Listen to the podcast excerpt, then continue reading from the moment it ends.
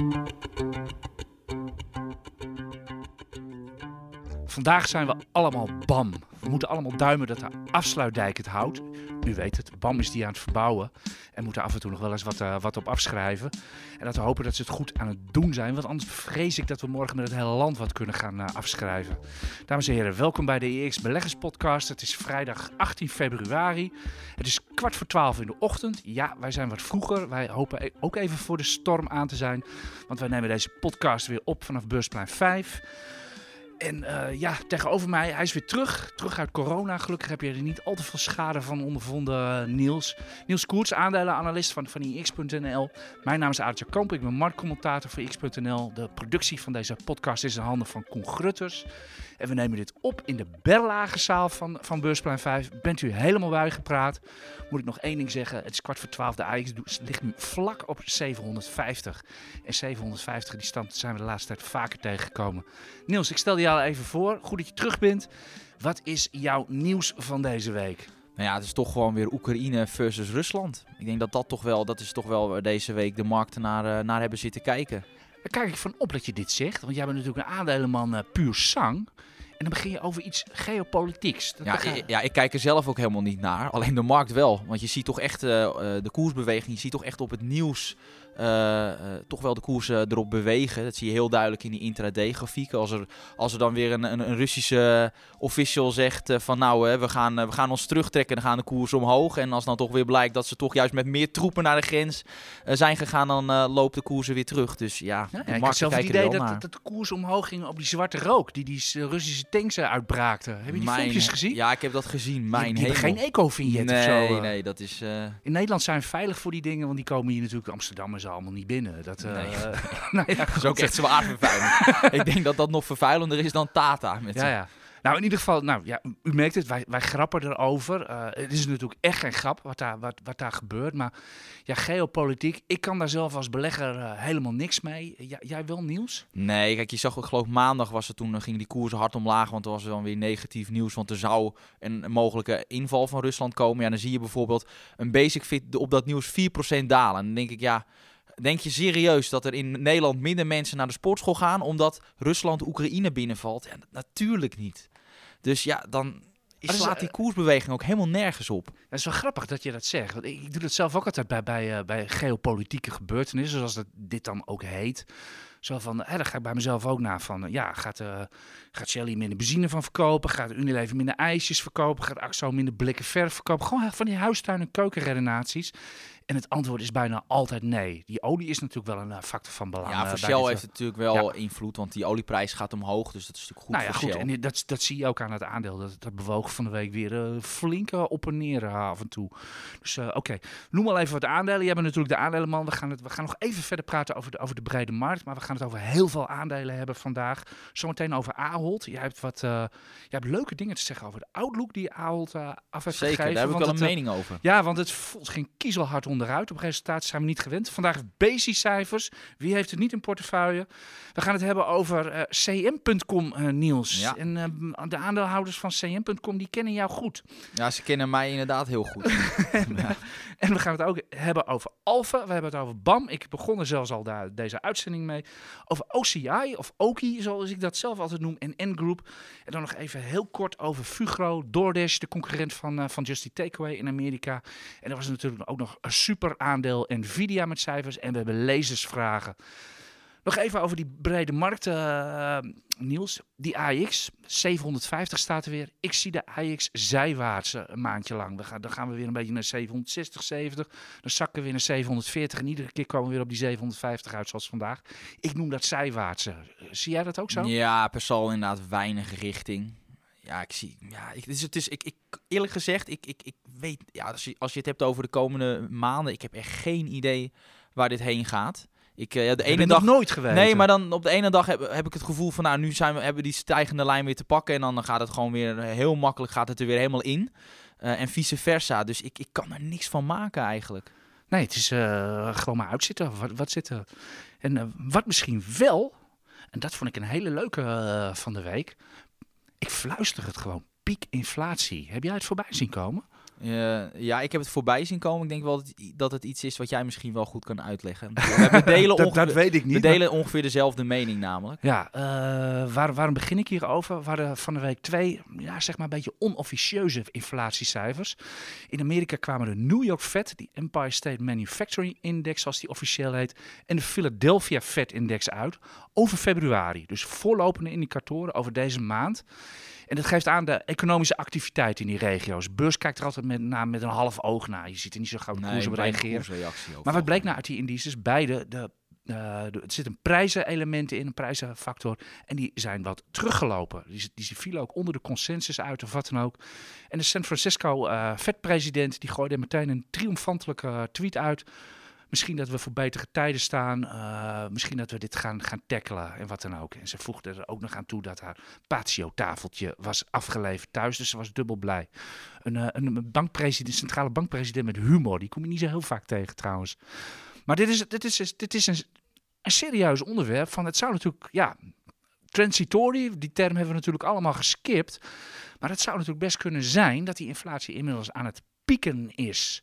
Mag ook wel, hè? Het is wel heel hard opgelopen nu inmiddels. Uh, ja, en als het af gaat lopen, wil natuurlijk ook niet zeggen dat we binnen drie maanden weer op 2% staan. Of daaronder of wat dan ook. Het kan natuurlijk nog heel lang heel hoog blijven. Maar volgens mij kan je hier, als je, als je, als je echt voor ritjes belegt of wat dan ook, je belegt echt met een horizon van een jaar. Je wil risico nemen, je wil echt een, echt een, uh, een richting kiezen dan zou je op basis hiervan zou je wat kunnen gaan doen. En, en, de, en de, de kans is denk ik op dit moment die, die je hebt, dat het allemaal reuze mee gaat vallen. Hè, bedrijfsleven, u ziet het ook aan de resultaten. De bedrijven die gaan heel goed om met die supply chain tekorten, uh, personeelstekorten, noem maar op. Dat wordt hands-on opgelost. Dat, dat pakken ze echt hard aan. En het gaat heel wat sneller dan hè, bijvoorbeeld de politiek, die is dus een, een, een, een jaar gaan zitten, zitten debatteren. Er komen er altijd eerst commissies, hè? Ja, ja, precies. Nee, bedrijven die gaan gewoon bellen en die, en die, en die regelen dat. En dat, uh, dat, dat, moet je, dat moet je nooit onderschatten, de slagkracht van bedrijven.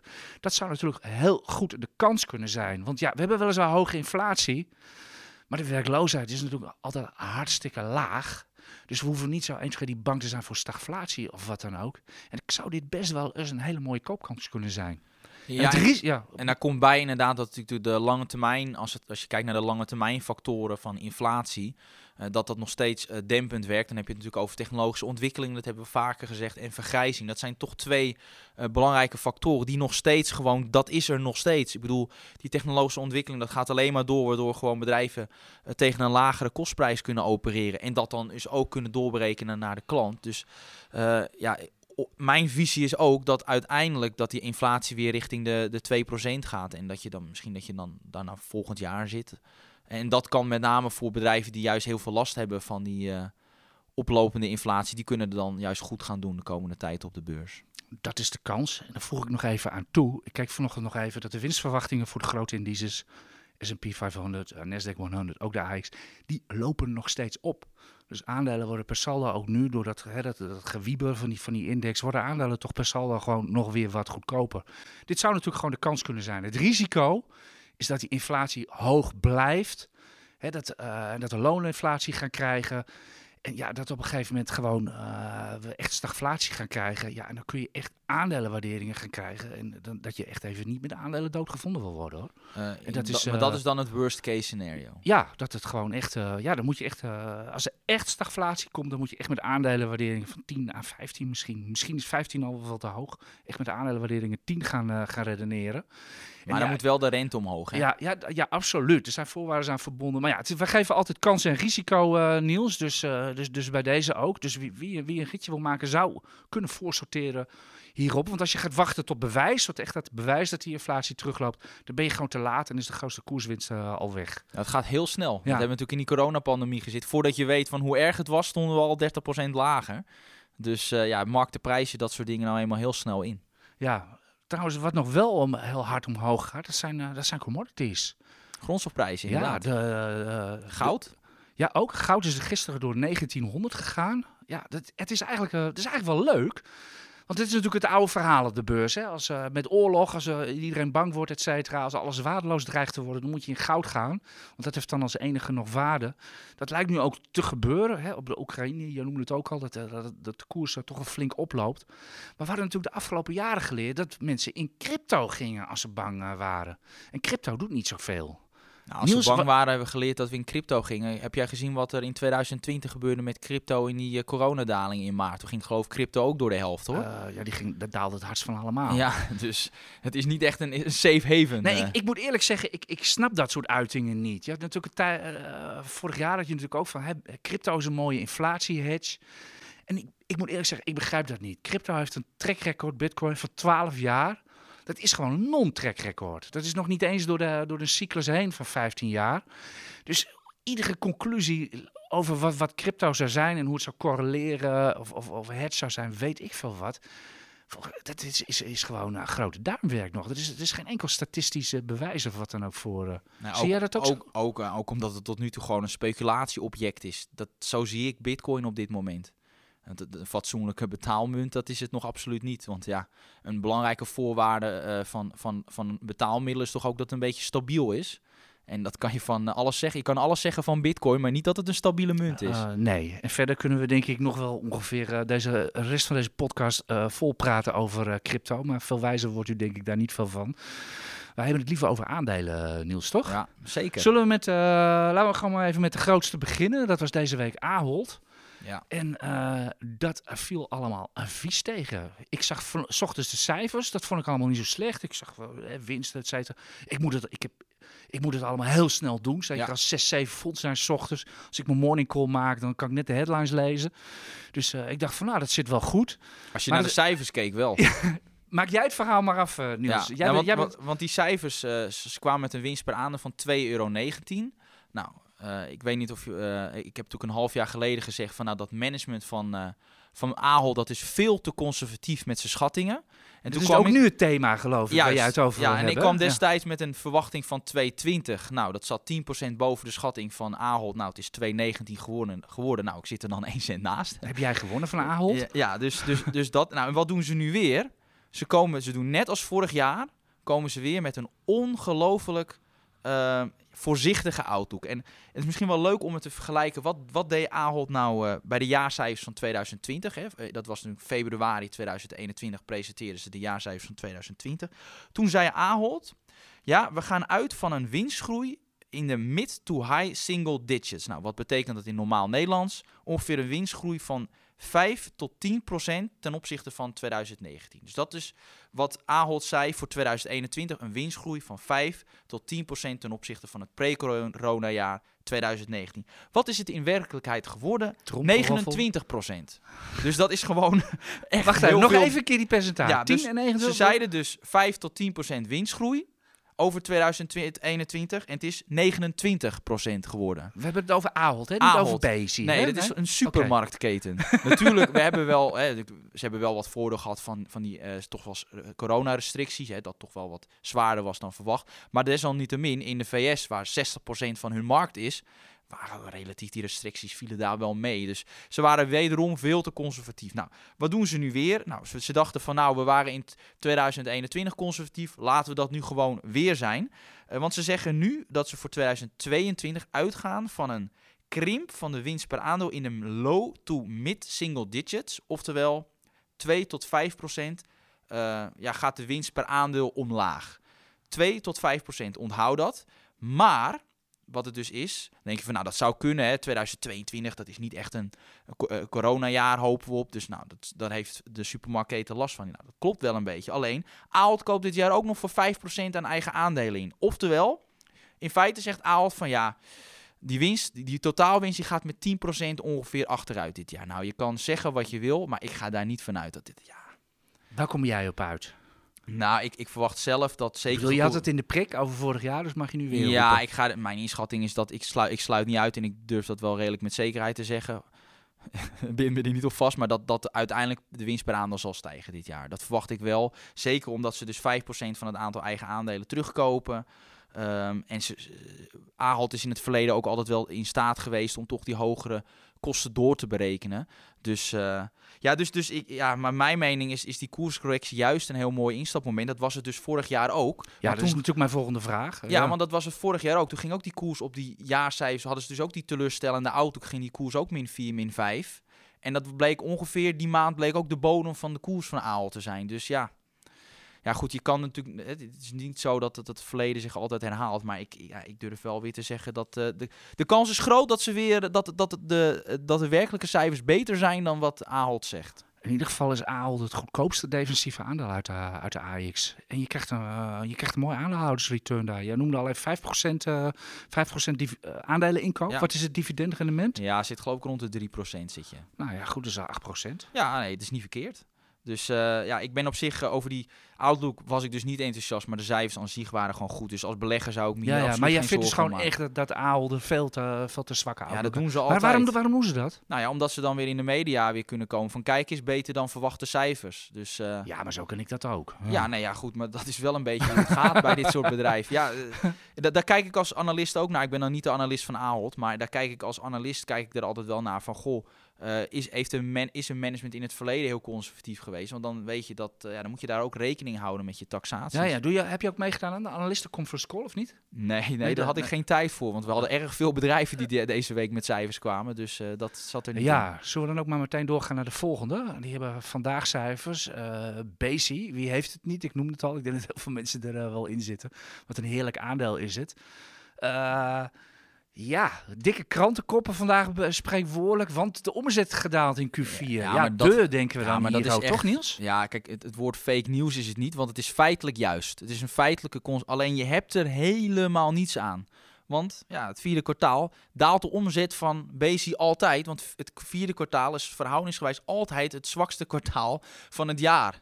Dus dan is het heel logisch dat het in het vierde kwartaal de winst zakt ten opzichte van het derde, of de omzet zakt ten opzichte van het derde kwartaal. Omdat dat nou eenmaal zo, eh, ja, zo is. Dat is Ja, eh, is gewoon super cyclisch. En, en zeker van, van de drie chippers die we hebben in Amsterdam, eh ASML, ASMI, Bezi, is, ja, is het meest gevoelige, meest gevoelig van allemaal. Maar het zit gewoon, het is een bepaalde seizoensinvloed. Dus het- ja, dat is, Q4 is altijd het slechtst, daarna de Q1 is altijd weer wat beter en het tweede kwartaal is dan Ja, ja, want er weer stond toch ook eh, in, de, in de koppen van eh, in Q1 gaat de omzet weer groeien. Ja, maar dat is het altijd. Dus ja, Ja, dus vrij, dat zijn vrij standaard bewegingen. Maar heb jij, heb, jij, heb jij naar die cijfers kunnen kijken? nou, of heel kort vanochtend eventjes. Jij zit erin, hè? Of, overigens heb ik je niet gevraagd. Zit jij in Ahold of niet? eh? Zeker. ja, jij hebt al echt jaren. aandelen. Ja. Even, mijn full disclosure is, ik zit, eh, ik zit in Trekkers, AX en Amix. Dus ik heb alle aandelen wel een beetje. En ik heb zelf nog aandelen ASML, ING en Shell. Dus dan ben je even bijgepraat wat dat betreft. We gaan het even bij al die aandelen die we zo meteen opnoemen, gaan we het even netjes Ja, melden. wat je, hoe je, of jij er wel of niet in zit. Dus, maar bij Bezi, om dat op terug te komen, ik zag relatief weinig verrassingen in de cijfers. En echt als belegger, kijk nou even wat verder na- dan één kwartaal bij dit bedrijf. Dus, eh, en het wat wel mooi is, het dividend toch 4,5%. Dus dat is toch... eh, ja, dit is een, eh, een mooi groeiaandeel met, een, met wat dividend erbij. Dus ja. Ja, nou was nou was pff, wanneer was het? Een maand of twee maanden geleden was dat het opmerkelijke advies van, van Bank of America. Die volledig hun, hun visie op het aandeel eh Bezi hebben, hebben gewijzigd. Zo van, hey verrip, dit is een nieuwe ASML. Want Bezi maakt bepaalde machines die zij alleen kunnen, eh, alleen kunnen maken en alleen in duiven. Dat, bij wijze van spreken, is daar iets van te zien of, of te merken of wat Nou, dan nog ook? niet Of, in deze cijfers, maar dat moet natuurlijk nog, nog komen. Eh, maar dat, dat verhaal is niet veranderd of zo naar deze kwartaalcijfers. Het is niet zo dat de fundamentals ineens veranderd zijn naar deze vierde kwartaalcijfers. Nee, totaal niet. Dus en je ziet het aandeel ook licht stijgen. Dus ja. Ja, het openen vanochtend is echt dramatisch, maar... eh, Ja, ik snapte Ja. ook niet waarom het omlaag ging bij opening. Maar zo zie je maar, het, is altijd de- van 9 tot 10 uur s ochtends, dat noemen ze altijd het amateur hour. Dus de amateurs die zijn dan bezig. En Ja, dan, ik- daarna komt oh, er jij een doet het tot fatsoenlijke tien koers. uur. Ik doe altijd van negen tot half tien. Oké. nou Ja, ja, in Wall Street doe je dat altijd van half vier tot vier. Ja, dat zijn even wat, eh, eh, even, misschien even voor de luisteraars. dit zijn van die dingetjes op de beurs van hè, de eerste half uur in de handel. Dan zijn het vooral de particulieren die een beetje de koers eh, En die hebben meestal de verkeerde richting, eh, denkt iedereen er tussen haakjes dan achteraan. Nou, of dat zo is of wat dan ook. En verder viel natuurlijk van de week viel u natuurlijk vast ook op. Je hebt voor beurscijfers, je krijgt een beetje een idee van hoe de koers erop gaat reageren. En volgens gaat de beurs open en je ziet het finaal de andere kant uit klappen. Echt klappen ook soms. We hebben veel double digits gezien deze week. Het is echt een tombola hoe, Ja. hoe bedrijven op cijfers eh, reageren. U hoeft zich ook helemaal niet te schamen als u dacht van het gaat stijgen en het was meer 15, ik noem maar wat. Dat, dat, dat, dat gebeurt iedereen. Echt, echt de, de meest ervaren beursgrotten die er maar rondlopen, die wachten echt tot 9 uur, tot er een koers staat van, om eh, te zeggen van hoe de koers op de cijfers dit is wel reageren. zo dat meestal bij de cijfers kan je, het wel, kan je wel inzien of de markt positief gaat reageren of niet. En dan kijk je met name naar de outlook. Dan wil een leuk bruggetje maken naar bijvoorbeeld Alphen. Nou, ik, eh, ja, wij hebben ook een groepschat. Nou, toen ik zag die outlook van, eh, van het bedrijf Alphen, toen zei ik van nou, ik eet mijn schoenen op als dat aandeel niet meer dan 10% gaat stijgen. Dus, En eh, je zag ja, het door dak- Je begint al, eh, je begint al over Alphen. Ik zou Ja. zeggen, eh, maak het ook maar Dat, vanaf. dat verbaasde was mij inderdaad een- echt enorm. Ja, dat was dus echt in een- inderdaad een aandeel dat echt omhoog spoot. Ja, in het derde kwartaal hadden ze echt heel veel problemen met die toeleveringsketen. En ik dacht van, nou, die problemen zullen zich zeker in het eerste kwartaal nog wel doorzetten. En eh, ja, en dan komen ze met een fantastische outlook eh, waarin Wa- ze zeggen... Hadden ze die problemen zijn niet opgelost of niet? Nou, ze hebben er nog steeds wel last van, maar ze zeggen dat ze het wel ja, het hoofd kunnen bieden. En ze zeggen nu dat die omzetgroei in 2022, dus dit jaar met 40% gaat groeien. Ja, dat is dus een snellere groei dan afgelopen jaar. Ja, dat, ik, had het, ik had het aandeel op kopen gezet begin dit jaar, maar daar had ik dus geen rekening mee gehouden. Dat Dus, ze met eh, zulke right, goede... right for the wrong reason heet Eh, dat. ja, en wat er dan ook gewoon gebeurt is, dan gaat natuurlijk het koers omhoog. Maar omdat het veel beter is dan ik had verwacht, gaat ook, ook mijn koersdoel gaat dan omhoog. Omdat het bedrijf gewoon beter presteert dan, eh, dan verwacht. Ja, En, ja. eh, wat, jij, ja, wat jij zegt over die, hè, die ze hebben dus ook eh, problemen. Supply chain heet dat, hè? Ja. eh, eh, toelevering van allerlei onderdelen, wat, wat dan ook, dat wat allemaal niet op tijd is en moeizaam. Is, is dit waar ik de, de uitzending ook mee begon? Dat ik zei van, hey, onderschat bedrijven niet. Als ze problemen hebben, gaan ze dat gewoon meteen oplossen. Dan worden spijkers met koppen geslagen. Ja, dus dat, dat proberen ze wel inderdaad. En, eh, maar je ziet het, ja, zeker bijvoorbeeld, ja, wat ik weer ver- over verbaas, die laadpalenbusiness van Alphen, hoe snel dat groeit, dat verdubbelde gewoon. En ja, dat, die trend zet zich ook dit jaar door. En wat je dan ziet is dan dat die, toen bij de beursgang, ik dacht dat het was in 2016, Nee, van 18. 2018. Maart 2018 geloof Oké, ik. mijn toen ging Ja. Alphen naar de beurs, maar toen bij de beursgang was die hele laadpalenbusiness was maar 10% van hun omzet. Dat was de kleinste divisie. Nou, ik verwacht eind dit jaar wordt het al hun belangrijkste activiteit. Dus dan zie je hoe snel, hoe snel dat groeit. Ja, het is echt uh, ongelooflijk. Alpha was een mislukte beursgang destijds. Mislukte beursgang. Ja, het was, ging, werd nog net een tientje voor betaald. En je, ik, ik, was bij, ik was er toen bij en je proeft echt de teleurstelling. Dat, eh, maar goed, het heeft er aardig ingehaald. eh. Zeker, want het was echt een, een, een ja, groeibedrijf zonder winst. En dat hebben ze enorm hebben ze dat, eh, weten om te draaien. Dat het gewoon een groeiend eh, bedrijf is met ook echt stijgende marges. En, en dat wordt beloond op de, op de markten. Oké, dus wat dat betreft, jij hebt het aandeel ook? Nee. Nee, nee, nee, helaas niet. Je kan niet alles hebben. Maar eh, ja, goed, de mensen die hebben meegedaan van Premium, ja, die, eh, die, hebben, die zijn mooi blij. Ja, kan er niks anders van maken. nou, daar is het uiteindelijk ook voor bedoeld, toch? Eh, Dus, eh, zeker, ja. met name bij kleine bedrijven, dat heb ik wel vaker gezegd, ben ik wat voorzichtig. Omdat wij als, eh, ook wel voor koersbeweging kunnen zorgen. Ja, en dan zeker. wil je niet als analist erin zitten. Nee, nee, nee. Bij, bij Shell en Unilever en ASML maakt het niet uit. Maar zeker bij hele kleine bedrijfjes. en er zijn er genoeg van op, be- op beursplein 5. eh, kun je dat snel hebben. We zetten er lekker in, Niels. Zullen we nog even een aandeeltje pikken voordat we naar de, naar de, naar de Dat mag luistervraag van gaan? mij hoor. Zullen we BAM doen? Oh ja, Zijn Paul. we, zijn we ook mee begonnen? heel goed. Nou ja, Ja, afsluitdijk. jij dat is- begint te lachen. Ja, ik, noem, echt. ik zeg BAM en jij begint te Ja, lachen. ik, ik moet er toch altijd wel weer om lachen. Omdat, ook omdat we weten nog toen dat bedrijf die afsluitdijk aannam. Dat in de hele sector. wacht even. Hoe, hoe kom jij bij de afsluitdijk eh, terecht? Want die naam ben ik niet tegengekomen in het 18 pagina stellende persbericht. Nee, ze hebben het inderdaad niet genoemd. Dus op papier, hè, formeel is die afboeking die ze dus doen op die eh, Nederlandse infrastructuurprojecten. formeel is dat niet de afsluitdijk, maar dan hebben ze formeel. Maar in werkelijkheid is het gewoon de afsluitdijk. Dat is, dat is het gewoon. Jij kan er niks anders van maken, dat weten wij. Dus dan zeggen we het ook gewoon. Eh, ja, dat is een publiek geheim. Dat, dat, eh, ja, BAM inderdaad, die heeft nog één heel groot infrastructureel project. En iedereen die wel eens in BAM heeft gezeten of daarna gekeken heeft, die weet BAM en infrastructuurprojecten, dat is een eh, boek apart. En daar hebben ze veel te laag op ingetekend destijds. Dat ze werden uitgelachen. ja, dat, dat zag iedereen op het eerste, eerste gezicht. En er wordt inmiddels ja, eh, BAM erkent ook dat dit een probleem is en dat er afschrijvingen gaan komen, maar ze communiceren het niet. Ten eerste zeggen ze niet dat het om de afsluitdijk gaat en ten tweede willen ze geen uh, bedragen noemen. Uh, ik heb gisteren echt het persbericht afgespeurd. Of kan ik inderdaad daar iets over vinden? Of de naam afsluitdijk staat er inderdaad niet in. Maar ik kwam voor de meelezers onderaan pagina 6 kwam ik een paar onleesbare alinea's tegen. En dat ging inderdaad over infrastructurele projecten in Nederland. Als ik het goed gelezen en geïnterpreteerd heb, heeft het afgelopen kwartaal heeft BAM inderdaad een voorziening genomen van x euro. Die ze gewoon in de cijfers hebben verwerkt en niet expliciet noemen of wat dan ook. Waarom ze dat dan doen? Waarom communiceren ze dit niet? Uh, ja, dat moeten we natuurlijk eigenlijk aan meneer eh, Joost, de CEO, eh, zelf vragen. Maar dat zou heel goed kunnen. Inderdaad, jij noemt het al. het is een publiek geheim dat het om de afsluitdijk gaat. Dat is de opdrachtgever is Rijkswaterstaat. En ja, het kan best wel zijn dat Rijkswaterstaat zegt van zet nog maar even geen bedrag, noem nog even geen bedrag, et cetera. Want anders wordt de minister weer naar de Kamer geroepen. Dus er komt er echt politiek bij kijken. Want ze hebben natuurlijk liever dat voor de afsluitdijk, als er inderdaad een strop op zit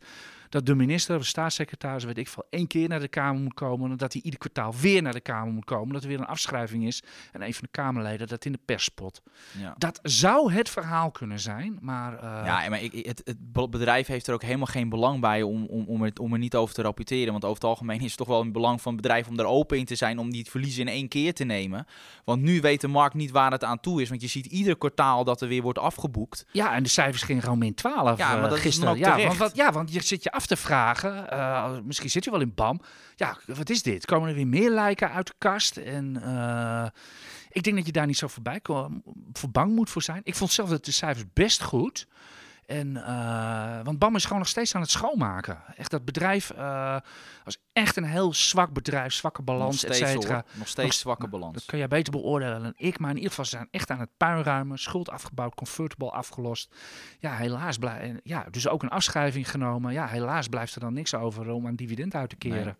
En, ja, maar met deze balans kan je absoluut nog geen dividend uitkeren hoor. Dat gaat nog wel even duren. Dat ik, heb, ik heb die solvabiliteitsratio gezien. Nou, dat is toch wel schokkend. Dus uh, ik, uh, ja, ik... ik heb, wat dat betreft heb ik alle vertrouwen in die CEO. Die komt bij AXO weg. En wat je ook van AXO vindt, ze kunnen daar wel heel goed rekenen. Ja, ja, ja. En, en wat ik ook positief vind, is dat ze dus gestopt zijn met dat Feyenoord City. Dat was natuurlijk ook weer zo'n groot project. Dat ze gewoon dachten van, nou, toen zag die, die, die nieuwe CEO... Hoe heet die man ook alweer? Meneer Joost, ik ben Meneer Joosten, kwijt. Die zag natuurlijk ook wel van, nou, dan moeten we waarschijnlijk ook weer op toeleggen. Uh, toeleggen van, nou, doe, uh, doe maar niet dit keer. Het is heel, heel verstandig, inderdaad. Want het was natuurlijk, uh, het was natuurlijk een mooi pretentieus project geweest. Kan je mooie foto's op de site zetten. daarom hebben ze destijds ook die afsluitdijken gedaan. De, de, de, CEO, die zag het natuurlijk al helemaal voor zich. Kan je wereldwijd mee scoren. De beroemde afsluitdijk. En uh, ja, deze meneer uh, die heeft maling aan dit soort uh, pretentieuze projecten. Die wil gewoon onderaan de streep wat zien. Je, juist daarom zou je verwachten van dat hij gewoon die afsluitdijk als ja. vuile was op straat gooit. Ook omdat hij niet verantwoordelijk is. Nee, het is zijn project niet. En, maar het gebeurt dus niet. En vandaar dat ik het is een beetje speculeren dat ik aan Rijkswaterstaat zit te denken. En, uh, nou, je hebt het verhaal net, uh, net gehoord. In ieder geval, uh, BAM is onderliggend wel steeds beter aan het worden. Het bedrijf wordt gezonder. Maar ja. Dat mag ook wel een keer. Ja, het mag ook wel een keer. Want ja, over BAM kunnen vele boeken vol schrijven. Op lange termijn helemaal nul waarde gecreëerd. Dat, kl dat klopt. Kan zijn dat het een mooie kans is nu, maar de risico's zijn, zijn er voldoende. Zullen we naar de lezersvragen gaan, Niels? Helemaal goed.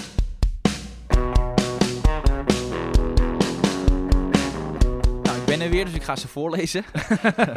ja, dat moest ik vorige week doen, man. ben er nog van van slag. Ja, de eerste vraag is van Thomas. Van, ja, uh, wat is de margin of safety die IEX gebruikt voor zijn analyses voor het bepalen van een koersdoel? Hij zegt, ja, in alle pr uh, premium stukken lees je daar uh, eigenlijk niets over van hoe je nou op, over zo'n op zo'n margin komt. Nou, ik ben zelf wel een analist die relatief vaak gebruik maakt van een bepaalde veiligheidsmarge. Uh, want ja, ik, ik, bereken een koersdoel op basis van toekomstige kaststromen. Nou, dan komt er een bepaalde waarde uit. Alleen dat betekent niet dat je die waarde ook meteen neemt als koersdoel. Want soms zitten er bepaalde extra risico's in die je niet kan verwerken in het koersdoel. Een mooi voorbeeld is bijvoorbeeld bij Amerikaanse farmaceuten. Uh, ja, die halen nu natuurlijk een bepaalde winst ieder jaar. Alleen uh, wat een groot risico is, is dat, uh, dat je ziet daar meer maatschappelijke druk in de Verenigde Staten om bijvoorbeeld om toch die macht in te perken van die grote farmaceuten. Dat is een risico op lange termijn. Hè, dat dan toch die medicijnprijzen gaan dalen. Alleen ik weet niet wanneer dat eh, gebeurt. Eh, en dat kan je dus ook niet verwerken in je som. Je kan er geen getallen plakken. Nee, en wat ik dan doe is van nou, ik zie dat risico en dan neem ik een bepaalde afslag, een bepaalde veiligheidsmarge, neem ik dan op die, eh, ja, op, op, dat, op die werkelijke waarde. Dus dan zeg ik bijvoorbeeld, nou, ik heb voor al die farmaceuten bijvoorbeeld een, een veiligheidsmarge van 10%. En dan zit je dus 10% onder je koersdoel, wordt dan mijn koersdoel in feite. Dus onder de feitelijke waarde. Dus dat is een beetje wat ik doe. En soms bij bedrijven zo, eh, die een echt een hoog risicoprofiel hebben, ja, dan kan je dat ook eh, af en toe doen. Maar dat is echt subjectief. Dat is, hangt ook weer net van de analist eh, in kwestie af. Dus eh, ja, je neemt dan een soort van, eh, ja, een soort van. eh, Alles op de beurs is subjectief nieuws, want beleggen is geen exacte wetenschap, is kunde. Nee, daarom. Dus dat, is, ja, het hangt echt af per analist. Maar ik bedoel, ik denk- dat dit wel voldoende is uitgelegd. Ehm, nu een Vraag. vraag, een mooi college. Ja? een vraag voor jou. Ja. Oh, Gaat om, ga, is van, even kijken.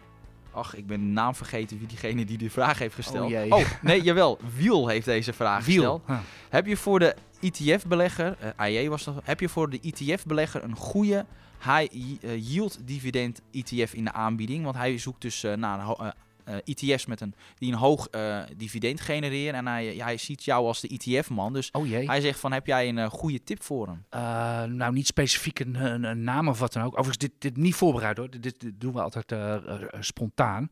Eh, je zegt het zelf al, high yield. Je kunt eh, bij iedere aanbieder van trekkers en eh iShares, Vanguard, eh, SPDR zijn natuurlijk, de State Street zijn natuurlijk wel de bekendste. Heb je high yield, eh, heb je high yield ETF's? Daar zit wel risico op. Want ook bij dividendaandelen heb je weer, eh, heb je weer verschillende. Je hebt bijvoorbeeld dividend aristocrats. Dat, zijn de, dat is het, is het meest defensieve wat er, eh, wat, wat er Die is. verhogen gewoon ieder, ieder jaar hun dividend Ieder- en dan ieder al jaar, 20 ja. jaar op rij. Ja, minimaal. Anders ben je namelijk geen dividend aristocrat meer. En dat is echt een officiële titel. Niet, is echt meer waard dan bij ons als koninklijke. Want dat is alleen maar voor het visitekaartje. Je moet het echt verdienen om dividend aristocrat te zijn. Ja, dat zijn aandelen die eh, verdienen... Of, of, die verdienen gewoon altijd geld. En die verdienen, verhogen altijd hun dividend. Dus of we nou, in, eh, of we nou een coronacrisis hebben, of dat we een kredietcrisis hebben, een, een dotcom-bubbel, of eh, dat er oorlog is, whatever. Die hebben echt een track record, sommige van zelfs meer dan een eeuw. Eh, dat ze dividend verhogen. Dus het is echt het veiligste van het veiligste. En eh, dat heeft natuurlijk een prijs. En eh, er zijn dure aandelen in de regel, waardoor het dividendrendement ook wat lager is. Maar je hebt dus wel heel veel zekerheid. Op lange termijn zou ik zelf dit soort aandelen, voor, voor wie risico's graag mijt, dit soort aandelen aanbevelen. Dan heb je ook nog, je noemt het al, de high yield aandelen. Maar dat is tricky. Aandelen die een heel hoog dividendrendement hebben, dat kan vaak een reden zijn dat het een hoog Vaak dividendrendement heeft heeft. dat een reden. Ja, heel beroemd voorbeeld hier in Nederland. Eh, KPN deed jarenlang een dividendrendement van 11%. En dat was omdat de hele markt wist ze gaan skippen. Want dit is niet houdbaar voor KPN. En inderdaad, ik meen 2013 of 14, KPN skipt het hele dividend. Ja, en dan, eh, daar zit je dus als de dividendbelegger. Hè, twee jaar geleden hebben we het ook bij Shell gehad. Geheel onverwacht, die dividendverlaging van twee derde. Nou, dat heeft onnoemelijk veel schade aangericht. En heel veel sche- scheve gezichten in... eh, Amsterdam Oud-Zuid, Wassenaar, eh nou ja, noem maar de bekende oud-geld eh, geldplaatsen, maar of was het, was het dik in Shell zitten. En dan heb je ook nog de dividendgroeiaandelen. Dat zijn de aandelen die het snelste dividend laten groeien. ASML is daar een mooi voorbeeld van bij ons. Dat, dat knalt omhoog, maar het dividendrendement is heel laag. Dus ja, dat, dat zijn drie verschillende die je hebt. En het is maar net wat je voorkeur heeft. Nogmaals, dividend aristocrats is echt het veiligste. High yield, heb je, die zijn goedkoper, krijg je wat meer. Maar heb je ook gewoon meer risico. En hetzelfde geldt voor, voor, die, voor die groeiaandelen. Dus het is maar, Maar net wat wat je jou wil. een voorkeur? Dat vraag Dat heb ik zelf gezegd, maar dat is, ik, ik eh, hou van dividend aristocrats, maar ik ben 50 voorbij. Ik zou zeggen, als je 20 bent of 30 of wat dan ook, ja, g- neem gewoon wat meer risico. Nou, ik vind die dividend aristocrats zou ik zelf ook, zou ook mijn voorkeur liggen. Omdat die high yield, ja, dat zijn toch vaak de wat zwakkere bedrijven. Ik bedoel, er zit ook veel winkelvastgoed in. Nou, ik denk niet dat dat nu de sector is waar je graag veel geld in wil stoppen. Voor de toekomst, nee. ja, dus, energiebedrijven, nou goed, daar hou ik ook al niet zo van. Die liggen nu wel heel goed, maar Ja. Ja. Oh ja, dat, dan nog wel even over die dividend aristocrats. Dat zijn wel de aandelen die eh, niet populair zijn, zeg maar, eh, in het hedendaagse maatschappij. Want wat zijn dat voor aandelen? Er zit heel veel olie en gas tussen, energiebedrijven. Eh, er zit heel veel pharma in, drank, tabak, luxe goederen, wapens, wapen wapens ook. Ja, zeg maar al die dingen die de mensheid al... eh, hoe lang bestaat de menselijke beschaving? Een jaar of 10.000? Alles wat we niet willen, maar ja, wel dat... eh, ja, dat waar we zeg maar met goed. ons mondje beleiden dat we het niet willen hebben, maar waar we met onze portemonnee wel geld voor uittrekken. En eh, je moet het willen, maar eh, als u dat beslist niet wil, als u dit soort principes heel belangrijk vindt, dan hoeft u echt niet bij dividend aristocrats te gaan kijken. Of dan moet u heel selectief zijn. Ja, nu nog een vraag. En hier ben ik wel echt degene die hem heeft eh, gevraagd. Ben ik wel echt vergeten op te schrijven. Maar goed, excuus daarvoor. Maar die vraagt: aandelen zijn een hedge tegen inflatie. Wordt wel gezegd. Waarom gaat de beurs dan toch omlaag? Hè, het zou een, een hedge moeten zijn. Maar nou, we hebben hoge inflatie, maar de koersen gaan omlaag. Hoe kan dat? Eh, volgens mij zijn de koersen nog niet leeggelopen. Er staan, wat staan we? We staan eh procent of 7, 8 onder de top, de all-time ja, high. wat, wat, wat ik vooral Dus wil het valt zeggen. wel een beetje mee, denk ik. Valt één, valt het mee. En twee, wat je natuurlijk nu ziet, is dat eh, aandelen gaan natuurlijk omlaag, omdat de rentes om, verwachting omhoog gaat.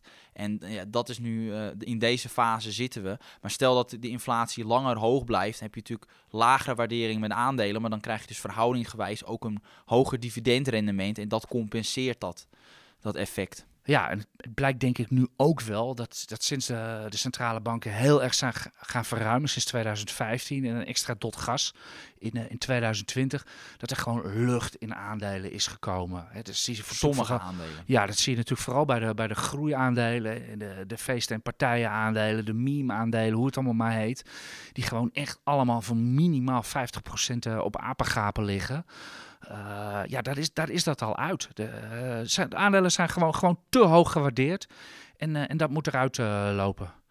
Niels, ik heb ook nog een vraagje over jou. Dat is een andere vraag over dividend. Ik kreeg hem op Twitter. Ik ben, ben de naam vergeten van de Wij zijn niet in vorm vandaag.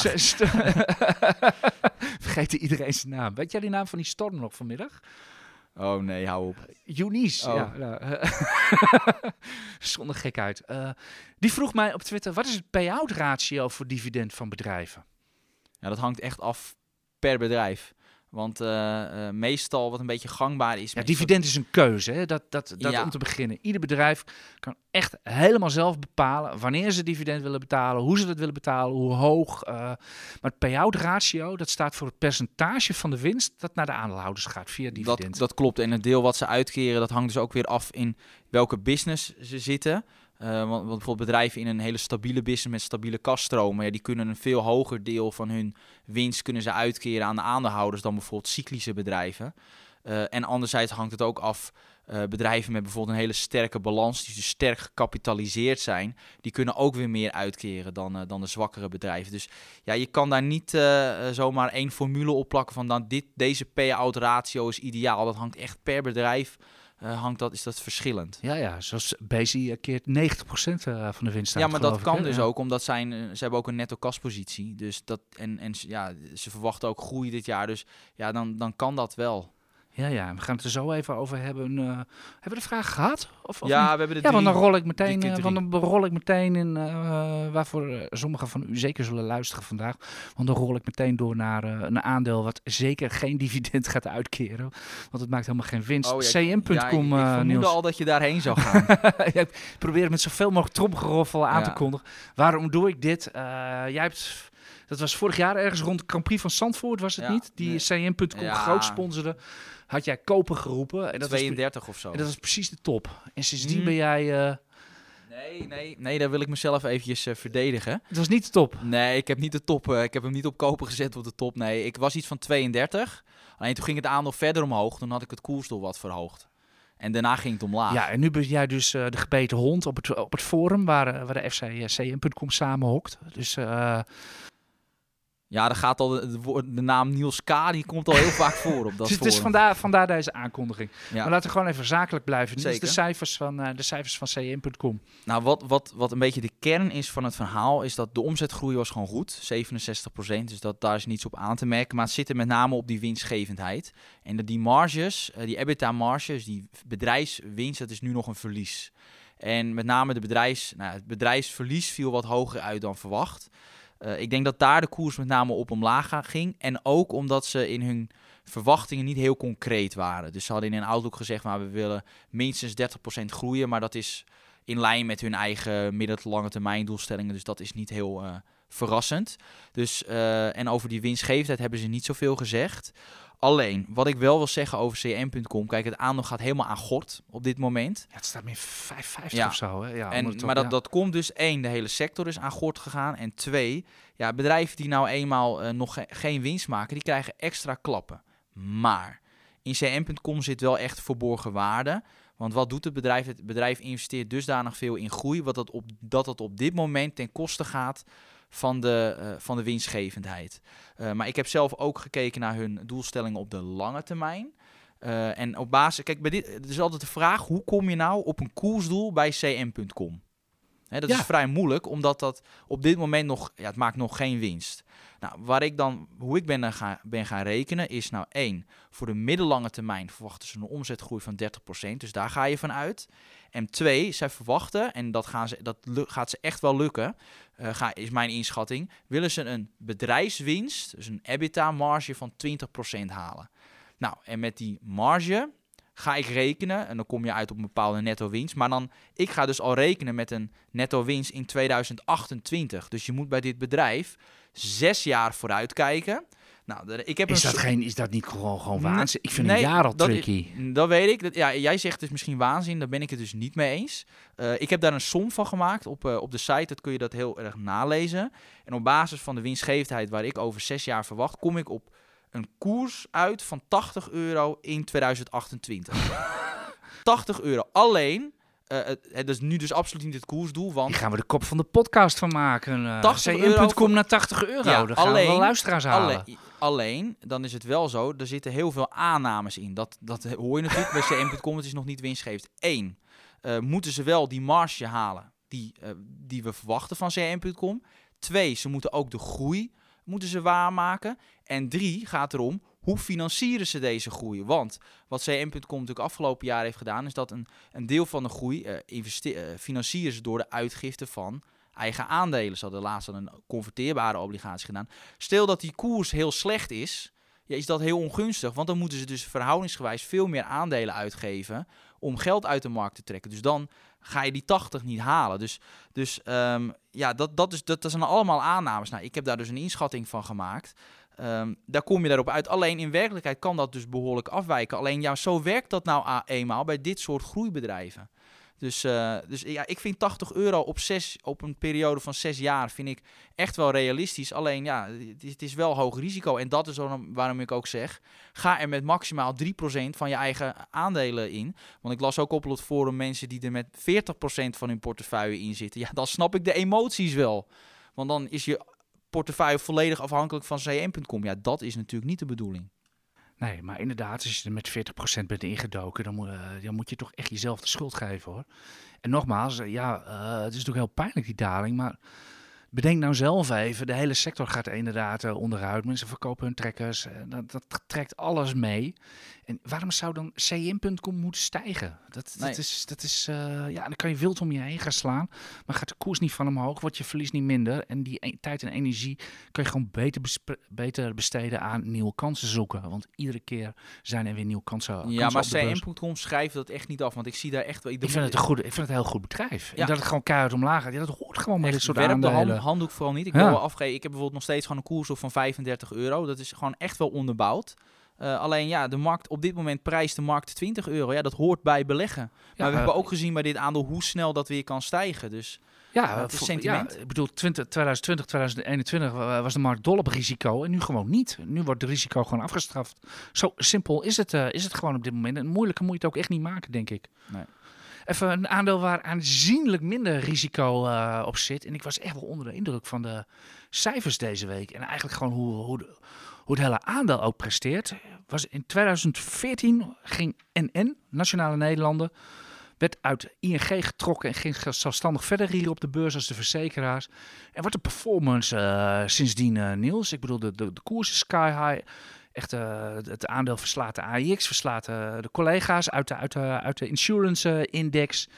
En ik las in jouw artikel, we krijgen dit jaar gewoon 11,5% van, van NN. ja, dat is dus... Is, is NN een klassiek voorbeeld van een Louisa aandeel met weet ik veel wat voor dichtgetimmerde ratio's en noem alles maar op, dat toch ontzettend sexy is? Eh, ja, ja, volledig mee eens. Ja, ik ben er wel eh, heel enthousiast over. Ik bedoel, 1 miljard aandelen inkoop. Dat is toch eh 6% van het totaal aan- uitstaande aandelenkapitaal. En dan nog 5% dividend. Dus dan kom je op 11%. Het is wel zo. dat aandelen inkoopprogramma wat ze nu van 1 miljard hebben aangekondigd, dat kunnen ze niet ieder jaar doen. Een deel is, eh, is extra omdat zij eh, NN Investment Partners hebben verkocht. Daar hebben ze een bepaald bedrag voor gekregen. En dat kunnen ze dan weer deels uitkeren aan de eigen aandeelhouders. Dus het is tijdelijk maar op een koers van nu 50 euro.